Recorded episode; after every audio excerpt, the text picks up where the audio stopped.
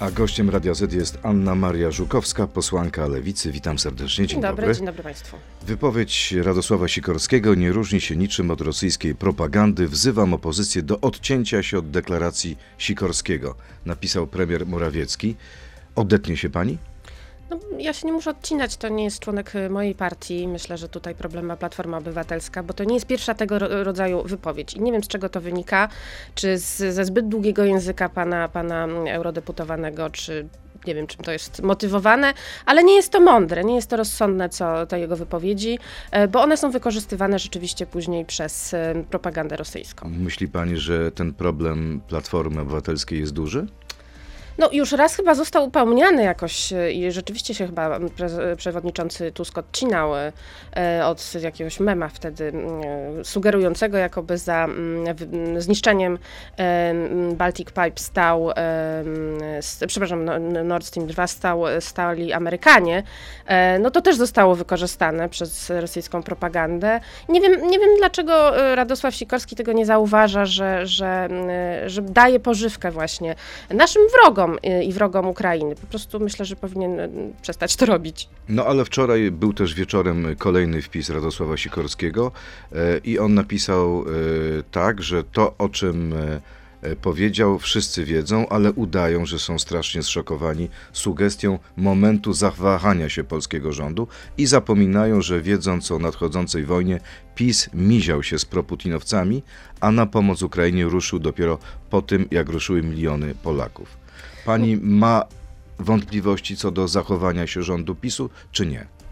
No, z tego co pamiętam, to rząd PiSu jeszcze przekazywał przed wybuchem wojny ym, broń Ukrainie, więc nie wydaje mi się to koherentne ze sobą. I no już no, nie chcę poruszać tego wątku, który on poruszył, bo to już w ogóle jest zupełnie fantasmagoryczny wątek, y, no powiedzmy odnoszący się do historii tego regionu świata z XVIII wieku, y, ale to naprawdę, panie Sikorski, mm, musi pan jeszcze przemyśleć to, co pan mówi. A co by pani powiedziała Szymonowi Hołowni, pa, Hołowni? Panie Szymonie, pan musi też przemyśleć, co pan robi? E, Pan Szymon Hołownia jest świeżym politykiem, nowym, jest po prostu jeszcze chyba niedoświadczony.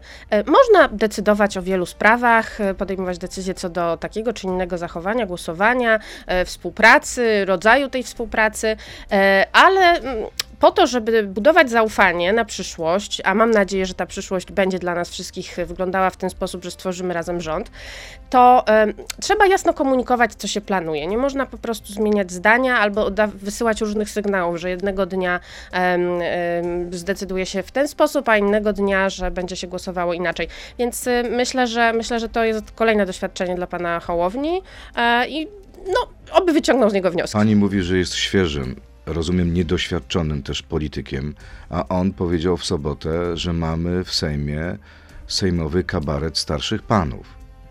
Mm, to znaczy ja, panie Szymonie? No, Podejrzewam, że mówił y, y, o pani koledze, nie wiem, marszałku Czarzastym, być może mówił o politykach Platformy, PSL-u. Czy nie jest tak, że jednak Szymon Hołownia ma atut, którego wy nie macie? Bo wy już rządziliście, a on jeszcze nie rządził.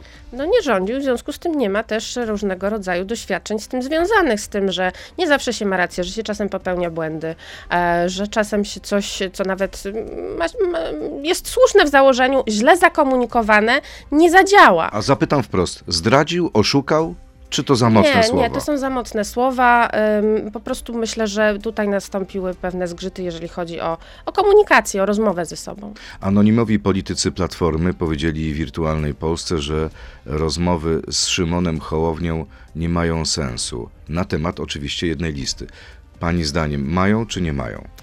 E, Nie widzę tego w tym momencie, dlatego że, y, że rzeczywiście ugrupowanie pana Hołowni jasno deklaruje, że chcą iść sami, chcą się przetrzeć, chcą się sprawdzić. Tak na ogół jest w przypadku ugrupowań, które startują po raz pierwszy. Muszą się y, zmierzyć, zobaczyć, jak to się mówi, policzyć, e, ile dostaną głosów samodzielnie. E, I myślę, że no, ciężko będzie odwieść pana Szymona od, od tej decyzji. Tylko chyba jakieś tragiczne sondaże, na co się chyba zresztą nie zapowiada. mogłyby Tragiczne sondaże dla zmienić jego opozycji, decyzję. czy dla dla jego PiSu? ugrupowania. A, czy jak spadnie poniżej 10% może być problem? czy, czy jeszcze niżej. No wtedy może być skłonny ewentualnie do jakichś rozważań, ale wydaje mi się, że tak czy owak będzie, będzie próbował własnych sił na własną rękę. A co z Platformą? Bo mamy ten wpis Donalda Tuska, że nie ma wrogów po stronie demokratycznej e, i wezwanie Donalda Tuska do pójścia razem.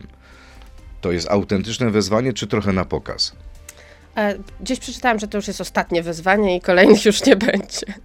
Czyli zero odzewu. E, No, O co tutaj chodzi? Chodzi o to, e, kto pierwszy powie nie, a wszyscy się boją.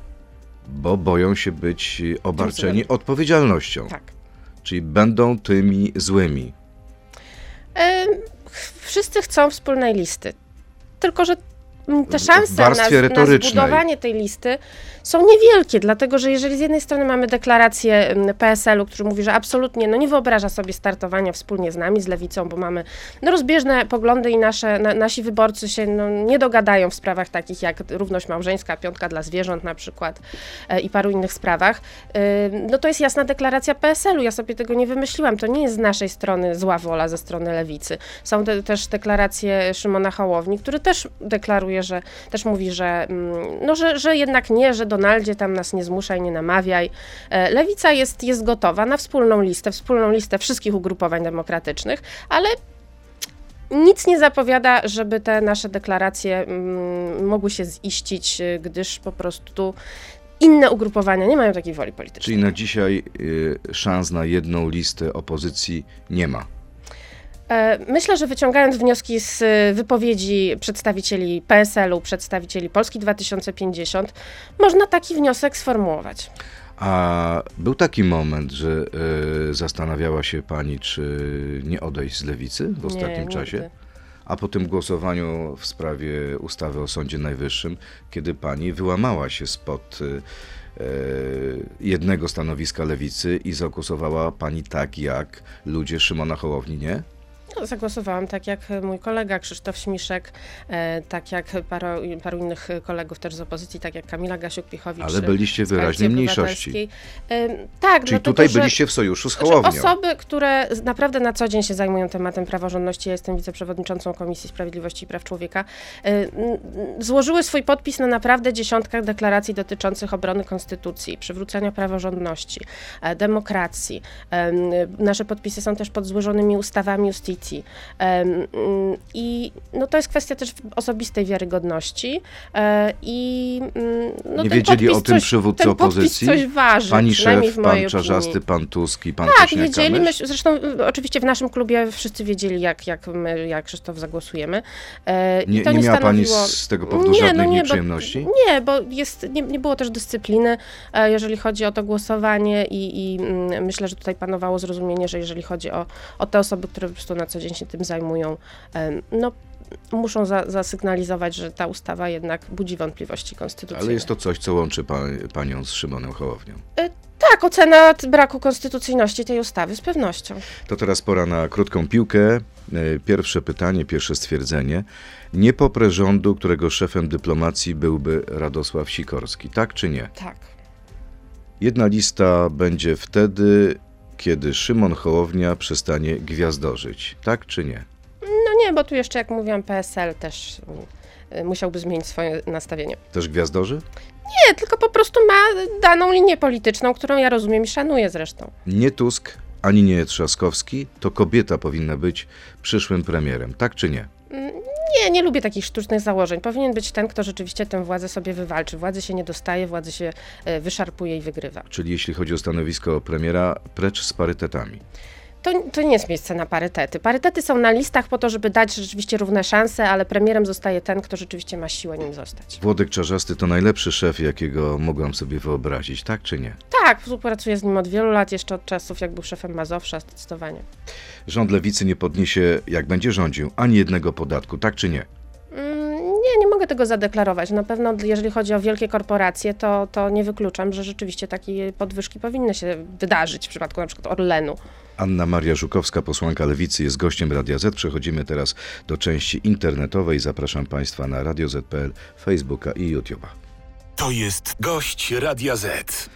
No właśnie, czyli Jeżeli że lewica będzie rządzić, to obywatele powinni spodziewać się podniesienia podatków. Obywatele nie, powinny się spodziewać korporacje, które tutaj zarabiają, e, a płacą podatki w zupełnie innym kraju. To rzeczywiście tak nie powinno być. Powinny też e, rzeczywiście giganci cyfrowi, Facebook, Google, e, też powinni płacić podatki tutaj. Nie widzę w tym nic kontrowersyjnego i nie uderzy to w żaden sposób w przeciętnego obywatela. A czy lewica ma odwagę powiedzieć Polakom, że trzeba podnieść minimalny wiek emerytalny? Naszym zdaniem nie trzeba podnieść tego wieku. On powinien zostać na takim poziomie, jakim jest w tej chwili. Profesor Marek Góra, jeden z współtwórców polskiego systemu emerytalnego, e, powiedział w Interi, że jeśli tak się nie stanie, czyli nie będzie podwyższenia, to demografia wywróci system emerytalny, a młodych Polaków czekają głodowe emerytury. Czy państwo tego nie widzą? E, widzimy i dlatego uważamy, że trzeba by w ogóle zrewidować ten system emerytalny. To, w jaki sposób e, są wypłacane emerytury, może trzeba rozważyć, żeby one były po prostu z budżetu, tak jak było jeszcze przed bodaj 94 rokiem. Czyli co, likwidujemy Zakładu Ubezpieczeń Społecznych? No to byłaby bardzo duża rewolucja, ale e, nie jest, nie, znaczy trzeba o tym rozmawiać. Myślę, że sam system emerytalny wymaga zmiany, nie mówię tutaj o wieku, tylko o tym, jak on funkcjonuje. Czyli byłaby Pani za likwidacją ZUS-u i emeryturami prosto z budżetu. Czy to jest oficjalny postulat lewicy, Nie, czy to pani indywidualny pomysł? Postulatem lewicy jest, o tym, o, jest to, żeby rozmawiać o różnych modelach y, systemu emerytalnego. To jest jedna, jedna z propozycji. To nie jest w tej chwili nasza, y, nasze rozwiązanie, natomiast pokazuje jako jedyne, znaczy jako jedno z takich, które można po prostu w przyszłości rozważać. To teraz seria pytań od naszych słuchaczy. Negatywista. O co chodziło między panią, panią Moniką Jaruzelską, i panem Czarzastym? Nie wiem. Nie ma pani pojęcia? Nie. Nie było żadnego sporu?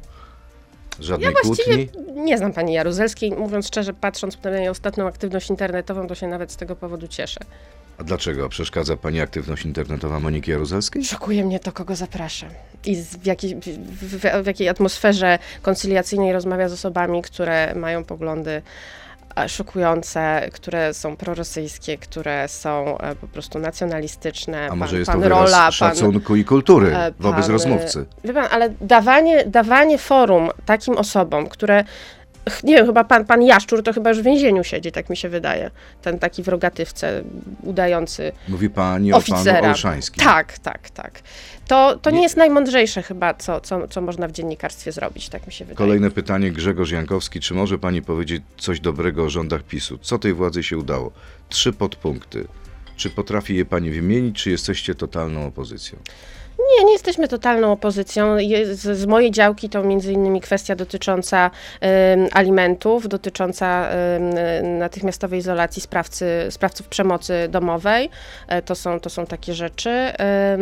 Myślę, że 500 plus także jest y, tą rzeczą, która się PiSowi udała. Oczywiście nie w założeniu demograficznym, bo taki, taki, taki był pierwotny cel te, y, tego programu, ale on nie zwiększył dzietności, natomiast wyciągnął rzeczywiście dużo dzieci z biedy. Czyli trzy punkty są. Daniel Banasiak. Lewica oficjalnie głosi hasło mieszkanie prawem, a nie towarem. Natomiast dla przedstawicieli lewicy, na przykład pana Krzysztofa Śmiszka czy pana Macieja Gduli, mieszkania to jest towar, na którym zarabiają. Jak wyborcy mają wam zaufać, skoro tak jawnie łamiecie swoje hasła? E, ale to hasło nie polega na tym, że nie można mieć więcej niż jednego mieszkania, tylko żeby mieszkania były dostępne dla wszystkich i te mieszkania powinny być e, tanimi mieszkaniami na wynajem, budowanymi przez państwo. Jan Kowalski, co sądzi Pani o ostatniej dyrektywie Unii Europejskiej umożliwiającej dodawanie mąki z robaków, tak zwanej krykietowej, do produktów bez żadnej informacji dla klienta, poza podanym składem. Czy popiera Pani jedzenie robaków przez społeczeństwo? W sumie to popieram, dlatego że to jest cenne źródło białka, a tego białka y, na pewno łatwiej pozyskać z, z takich zwierzątek małych, y, z, jeżeli chodzi o ochronę y, klimatu, niż na przykład jeżeli mówimy o wołowinie, bo żeby wyprodukować kilogram wołowiny, to trzeba zużyć już nie pamiętam ile, ale strasznie duże ilości wody. A pani jadła e, robaki? Jadłam kiedyś, tak, Jak ale smakowały? jeżeli chodzi o dyrektywę, takie chrupiące były smażone. Także nic, nic takiego niesamowitego, ale jeżeli chodzi o dyrektywę, to, to nie znam się na tym, to jest rolnictwo, także nie wiem, nie wiem, czy to tak powinno być, czy inaczej. Powrót do spraw socjalnych. Pan Łukasz pyta, skąd pieniądze na pomysły socjalne lewicy? Między innymi, tak jak powiedziałam, z podatków cyfrowych, e, z, od, gigantów cyfrowych, z, z, po pierwsze też likwidacji między innymi funduszu kościelnego, z, ze zmiany systemu podatkowego, który naszym zdaniem powinien być bardziej progresywny, z kolei VAT powinien być jednolity, ale stopniowo zmniejszany do poziomu 15% i to są kwestie, które naszym zdaniem będą pracować efektywniej na zwiększenie wpływów budżetowych. Przemysław Hajduk, szanowna pani poseł, jaki postulat lewicy będzie waszym flagowym, tak aby 15% jesienią 2023 roku zostało przekroczone w nawiasie. Analogiczny pomysł czy też y, postulat flagowy jak 500 Myślę, że ten pomysł to jest renta wdowia, którą w tej chwili, pod którą zbieramy podpisy. To jest projekt, e, który chcemy złożyć w trybie projektu obywatelskiego po to, żeby jeszcze w tej kadencji musiał zostać rozpatrzony przez panią Witek, a nie schowany do szuflady, znaczy przez Sejm rozpatrzony. To jest projekt, który zakłada pomoc osobom, które straciły e, małżonka, współmałżonkę i zostają z tymi kosztami utrzymania, jakie były wcześniej. I e, chcemy, żeby, żeby można było otrzymywać albo całość swojej emerytury, emerytury plus 50% po zmarłym współmałżonku, albo odwrotnie, w zależności od tego, co się danej osobie będzie bardziej opłacało, bo jak, e, nie wiem, siedzi para, ogląda y, telewizję, no to ten telewizor zużywa tyle samo prądu, co kiedy jedna osoba tylko już y, ogląda ten, y, ten program. A widzi Pani szansę Więc na realizację? nie są o połowę mniejsze. Widzi Pani szansę na realizację tego projektu teraz, zarządów PiSu? Mm, chciałabym, żeby PiS go zrealizował, natomiast zobaczymy, czy się nie będzie bał zrealizować postulatu opozycji. E, jeszcze jedno pytanie pana Łukasza. Czy poparłaby pani 15 emeryturę lub waloryzację 500? 15 mm, nie, dlatego że ja uważam, że cała lewica tak uważa, że to powinno być rozwiązanie systemowe, a nie tak, że każdego roku senior i seniorka zastanawia się, czy dostanie tą 15, 16, 17, która i tak nie pokrywa inflacji, czy po prostu emerytury powinny być waloryzowane i tak jak mówię, tutaj też jest rozwiązanie dodatkowe renta wdowia. I jeszcze jedno pytanie, Jarosław. Czy widzi Pani jakieś wady Unii Europejskiej? Czy wszystkie przepisy generowane przez Parlament Europejski będą przez Pani partię przyjmowane w Polsce bez zastrzeżeń. Nie lepiej, żeby Polacy w Polsce ustanawiali przepisy dostosowane do nas? Ustanawiamy przepisy, to jest y, polskie ustawodawstwo oczywiście realizujące tak zwane dyrektywy unijne, ale to w jaki sposób my je zrealizujemy, jakie wdrożymy, zależy już, już od polskiego ustawodawcy. A w Unii oczywiście nie podoba mi się wiele spraw. Nie podoba mi się to, że Parlament na przykład Europejski nie ma e, inicjatywy ustawodawczej, że jest zasada tego weta, że no przede wszystkim. Czy jest ostatni, pani przeciwko wetu? Uważa ostatni pani... skandal korupcyjny mi się nie podoba. Tak, uważa uważa pani, że ten pomysł niemiecki, aby odejść od weta, które przysługuje każdemu państwu, jest dobry? Myślę, że powinny być, powinien być jakiś parytet w zależności od wielkości kraju, no, żeby to nie było tak, że jedno, jedyne państwo w całej Unii może zablokować wszystko. Czyli generalnie pani jest za odejściem od weta? Tak. Czy jest pani za federalną Unią Europejską, za nie, federalizacją? Nie, jestem za federalizacją. Czyli Polska miała być takim landem? Nie, no przecież właśnie mówię, że nie. Ale od, jestem, odejście jestem od weta za tym, żeby państwa miały... E, krok w kierunku federalizacji. Nie, nie, to nie jest. Moim zdaniem to jest e, krok w kierunku racjonalizacji tego, żeby nie można było, tak jak w czasach liberum veto, zablokować wszystkiego jednoosobowo. E, I, I myślę, że to jest rozsądne. Natomiast federalizacja to jest zupełnie co innego. Ja uważam, że państwa narodowe powinny mieć swoją rolę i, i ta rola powinna być odzwierciedlona między innymi w, przez posłów, którzy reprezentują dane kraje, czyli właśnie przez um, dodatkową kompetencję, która Parlamentowi Europejskiemu powinna Ale zostać jeżeli przyznana. pozbawimy kraje weta, no to jednak rola państw narodowych Ale nie, że w ogóle mniejsza. weta, tylko że to może być e, z, z jakiejś, e, to może być kilka państw, to może być w zależności od liczby ludności, ale nie jeden, jedyny kraj. Dwa kraje, trzy kraje w zależności od wielkości, tak, ale nie jeden, jedyny. I jeszcze jedno, wolność słowa. W jednym z wywiadów powiedziała pani, że lewica w Parlamencie Europejskim głosowała, aby Włosi i Francuzi mogli dłużej produkować silniki spalinowe do luksusowych aut, bo to w interesie ich gospodarek. Czy w interesie polskiej gospodarki jest zamykanie polskich kopalni węgla? Mówiąc szczerze, nie przypominam sobie tego, ale y, na pewno y, zamykanie kopalń jest konieczne, y, ale jak patrzę na Niemcy, to rzeczywiście mam poczucie, że to jest niesprawiedliwe, że państwo, które dysponuje y, energetyką jądrową, rozwala sobie miasto po to, żeby poszerzyć swoją y, kopalnię węgla brunatnego, a równocześnie mówi Polsce, wy musicie zamknąć swoje kopalnie, a my właśnie otwieramy, chociaż mamy atom, a wy nie macie. No to coś tu jest nie tak. Oni mówią, że atom grozi środowisku. A węgiel brunatny nie, tak? CO2 nie grozi. A pani zdaniem te protesty krajów, które graniczą z y, Polską, czy, czy y, landów, y, mogą mieć jakiś wpływ na przyszłość polskich elektrowni atomowych? Powinniśmy się tym przejmować? Znaczy to, to oczywiście jest sprawa nie tylko dotycząca energetyki i przyszłości świata, jeżeli chodzi o klimat, ale też sprawa polityczna, bo poszczególne kraje, w tym Niemcy, chciałyby zarabiać na sprzedaży energii. Nie mogą zarabiać na sprzedaży gazu, jak planowały, bo przecież Niemcy planowały, że nam będą ten gaz rewersem sprzedawać, będą na tym zarabiać, e, a my będziemy od tego gazu też uzależnieni. E, I na pewno nie będzie im w smak, jak sobie wybudujemy elektrownię atomową e, i będziemy niezależni energetycznie, jeżeli chodzi o taki stabilizator, chociaż ja oczywiście uważam, że musi być tutaj duży komponent OZE, także, także w Polsce, czyli wiatraki. Ta ustawa wiatrakowa będzie dzisiaj rozpatrywana, jak słyszeliśmy w wiadomościach. Fotowoltaika, pompy, y, pompy ciepła i tak dalej, i tak dalej. Czyli to wszystko nie, musi nie Niemcy będą nam dyktować, co mamy robić, tak? E, żaden kraj nie będzie nam dyktować, co mamy robić. E, my musimy być, e, zabezpieczyć się na przyszłość i zrobić to, jeżeli chodzi o energetykę, w taki sposób, żeby to było stabilne, bezpieczne, niezależne i żebyśmy mogli sami, sami decydować o, to, o tym, jaką mamy energię. A ta energia, tak jak mówię, nie może być z CO2, bo to już jest kwestia przyszłości całego świata, naszych dzieci, naszych wnuków. Ale jak będziemy rezygnować z tego weta, to trochę może być problem z zabezpieczeniem interesów Ale wtedy to trzeba się nauczyć budować sojusze. Coś, czego PiS nie umie zrobić. A to jest, daje daleko większą siłę niż stanięcie na środku sali e, z rękami obrażonymi jak środka, gdzie nie, tu panie nóżką zbudować sojusz z innymi państwami, które również mają takie cele, żeby mm, mm, być tą siłą, przeciwwagą dla Niemiec, które, moim zdaniem tracą swoją siłę, bo nie, za chwilę, tutaj trochę inny wątek, okaże się, że państwa europejskie nie mogą już bazować na, na Niemczech jako takim stabilizatorze bezpieczeństwa, kiedy to Niemcy wzbraniają się przed pomocą e, z, zbrojną, jeżeli chodzi o ciężki sprzęt Ukrainie i każdy będzie już, nie będzie się oglądał na Niemcy za parę Czyli lat. Czyli jest pani poirytowana tym Scholzingiem, tak?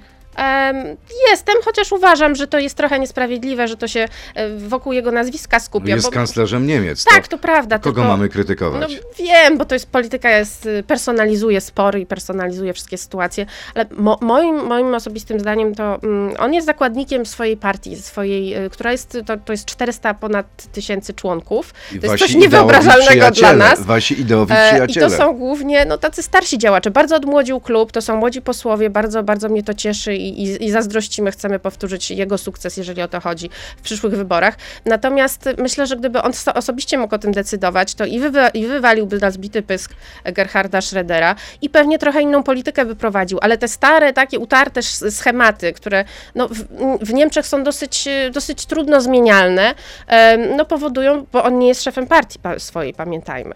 Tam jest dwoje współprzewodniczących e, i jest uzależniony od, no, od aparatu partyjnego, który jednak jest bardzo mocno zachowawczy, zarówno w sprawie energetyki, jak i w sprawie, e, jak i w sprawie pomocy Ukrainie. Sądzi Pani, że to są jeszcze jakieś problemy z przeszłością? Na przykład, że wiele osób, które działa w SPD, było związanych z działalnością w młodzieżówkach komunistycznych w NRD? E, po części tak, po części no, z, te, z takimi osobami jak Gerhard Schroeder, który no przecież ma masę pieniędzy właśnie ze współpracy no właśnie, z Rosją. Jak, no. jak, jaki pani zdaniem jest poziom skorumpowania elit niemieckich? Czy dotyczy to wszystkich ugrupowań, czy tylko właśnie lewicy? Nie znam się dokładnie na polityce niemieckiej. Wydaje mi się, że to nie, nie, nie, nie, nie dotyczy tylko i wyłącznie SPD. E, także w, w CDU były, były takie sytuacje. E, dlatego, że no mając taką przewagę jak Rosja, jeżeli chodzi o węglowodory, no można było oddziaływać na poszczególnych polityków i polityczki. E, I to nie chodzi o korupcję, tylko rzeczywiście oni po prostu zarabiają te pieniądze, nie biorą ich pod stołem, tylko zarabiają je za właściwie bycie twarzą um, rosyjskiej energetyki. Czy y, pani zdaniem te ostatnie oświadczenia różnych przedstawicieli rządu niemieckiego E, oznaczają, że e, Berlin mięknie w sprawie leopardów, czy to jest tylko taka gra na czas? No bo mamy to świadczenie sprzed wczoraj tak, pani tak. minister e, dyplomacji. E, no, to oznacza, że Niemcy swoich czołgów nie dadzą, ale nie będą oponować, jeżeli Polska czy inne kraje je przekażą Ukrainie. I to na razie jest tylko tyle wynika z tego No dobrze, ale czy, bo są takie deklaracje ze strony premiera Morawieckiego, że nawet jeśli nie dostaniemy zgody, to i tak te czołgi przekażemy. To jest no to dobre czy, dostaliśmy czy zgodę. złe? Jeszcze nie mamy, bo nie było wysłanego wniosku oficjalnego. No formalnie nie, ale rozumiem, że ta deklaracja będzie miała swoją Ale to kontynuację. tylko pani minister, a nie pan kanclerz. Jeszcze nie wiadomo, co minister obrony nowy. Czyli nie ma decyzji formalnej. No, wydaje mi się, że jednak takie słowa y, nie padłyby, bo to były słowa jednoznaczne, że y, bo w tamtym wywiadzie jeszcze dziennikarka dopytywała, czy to tak należy rozumieć, że Niemcy się nie będą sprzeciwiały i padła odpowiedź, właśnie tak to należy rozumieć. Więc to nie był przypadek, y, to było potwierdzone stwierdzenie, e, potwierdzone sformułowanie i dlatego uważam, że no, pani minister sobie tego samowolnie nie powiedziała. No chyba, że podzieli los pani minister Lambrecht, która musiała odejść. No, to, to się okaże, ale wydaje mi się, że nie, bo to byłoby trochę za dużo dymisji jak na tak krótki czas. Wracając do ustawy o Sądzie Najwyższym, co powinien zrobić Senat z tą ustawą Poprawić. w tej chwili? Poprawić Bo i Szymon tak- Hołownia, który głosował, czy jego ludzie głosowali tak jak pani, mówi, że należy ją odrzucić. No nie wiem, ja słyszałam, że mówił, że należy ją poprawić, ale to właśnie chyba są te problemy z komunikacją z panem Szymonem. Odrzucić ustawę w całości. Hmm. Szymon Hołownia. No konsekwentne jest to, że jak się zgłaszało poprawki w Sejmie, tak się zawsze robi, e, to zgłaszamy je też w Senacie. E, I to jest logiczne, bo tę ustawę trzeba poprawić, bo to jest e, ustawa niekomplementarna, em, jeżeli chodzi o, o te kamienie milowe. Ona po prostu ich wszystkich nie wypełnia. I mamy sytuację taką, że będą poprawki, one pójdą do Sejmu i wszystko na to wskazuje, że zostaną odrzucone przez połączone siły PiSu i Solidarnej Polski, tak? Wtedy pan prezydent Duda będzie decydował, co dalej z tym fantem zrobić. I na niego spadnie odpowiedzialność. Tak. I co zrobi pani zdaniem? Mm, Nie wiem, co zrobi. No, z, z, słyszałam, że sam uważa, że ta ustawa godzi w jego kompetencje jako prezydenta. Tak, tak się wypowiadał. A godzi czy nie godzi? Bo chodzi oczywiście o kwestię powołania sędziów. Moim zdaniem nie akurat w tym aspekcie, dlatego że, ym, że y, prezydent powołuje sędziów, ale na wcześniejszym etapie, czyli wybierania ich przez Krajową Radę Sądownictwa, może dojść do jakichś ym, y, błędów i tutaj mówimy właśnie o tym błędzie, o tym grzechu pierworodnym tak naprawdę tej całej sytuacji związanej z naruszeniem praworządności, czyli o neo-KRS-ie. A co byłoby e, zgodne z interesem pani zdaniem Polski? Podpis prezydenta czy weto? Y, Moim zdaniem zgodne byłoby to, żeby przyjąć taką ustawę, która nie kluczy, nie wymyśla, nie kontaminuje sądu, który Ale się mamy nie zajmuje taką, tym. a nie inną ustawę, czyli, pani poseł. Czyli, e, Chodźmy po ziemi. Ale no to, to nie jest problem przyjąć, przyjąć ustawę. To PiS wrzuca ustawy po prostu w trybie ekspresowym każdego dnia. Jedno posiedzenie, jedna komisja i ciach. I to nie zajmuje dużo czasu. Więc Wyobraźmy powinna sobie, być dobra ustawa. a Taka ust- jedną z tych ustaw jest projekt, można część z niego wziąć z projektu Justiti.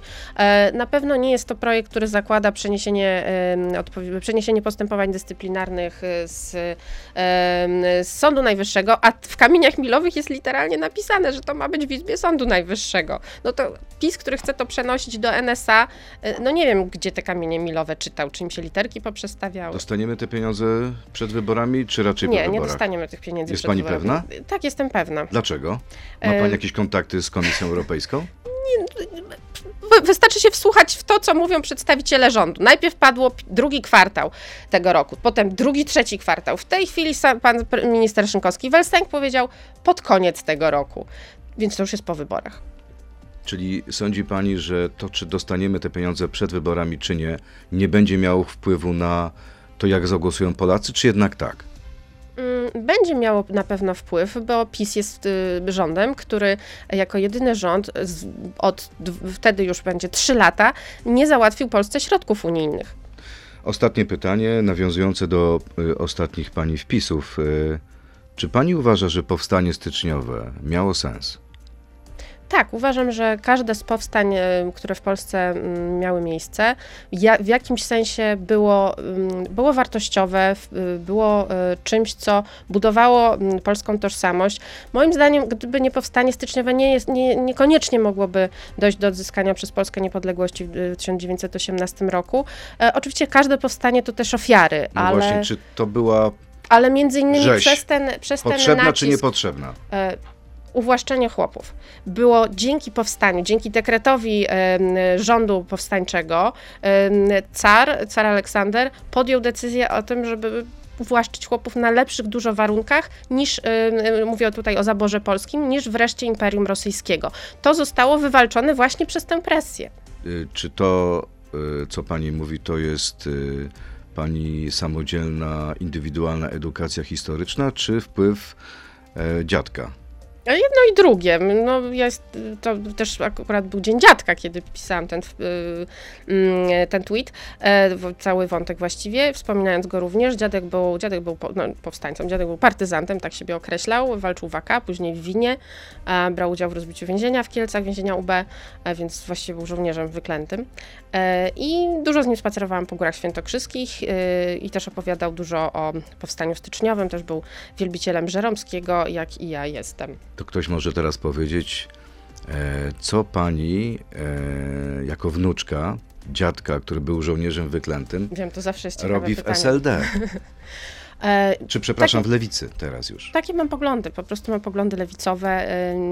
One w, taki, w takim duchu wyrosłam. No, jestem za tym, żeby było państwo świeckie, żeby były przestrzegane prawa kobiet, e, żeby, była, e, żeby podatki były progresywne. No, to są moje poglądy i te poglądy realizuję y, tylko i wdrożyć może tylko i wyłącznie lewica, I dlatego tu można je jestem łączyć całym z takim i spojrzeniem na historię? Myślę, że tak. To znaczy, tam się to, absolutnie. No, jeżeli chodzi o żołnierzy wyklętych, to mogę powiedzieć, że byli tacy, którzy byli bandytami, tutaj na przykład Ogień czy Kuraś, i byli tacy, którzy byli absolutnie szlachetni. Generał Nil, e, Pilecki, no przecież to są bohaterowie. Nie można ich wrzucać do jednego worka, tak jak robi to Prawo i Sprawiedliwość, bo to jest po prostu nieuczciwe historycznie. Bardzo dziękuję. Dziękuję Anna bardzo. Maria Żukowska, posłanka Lewicy, była gościem Radia Z. Miłego dnia. Dziękuję. Dziękuję bardzo. To był gość Radia Z. Słuchaj codziennie w Radio Z i na player radioz.pl.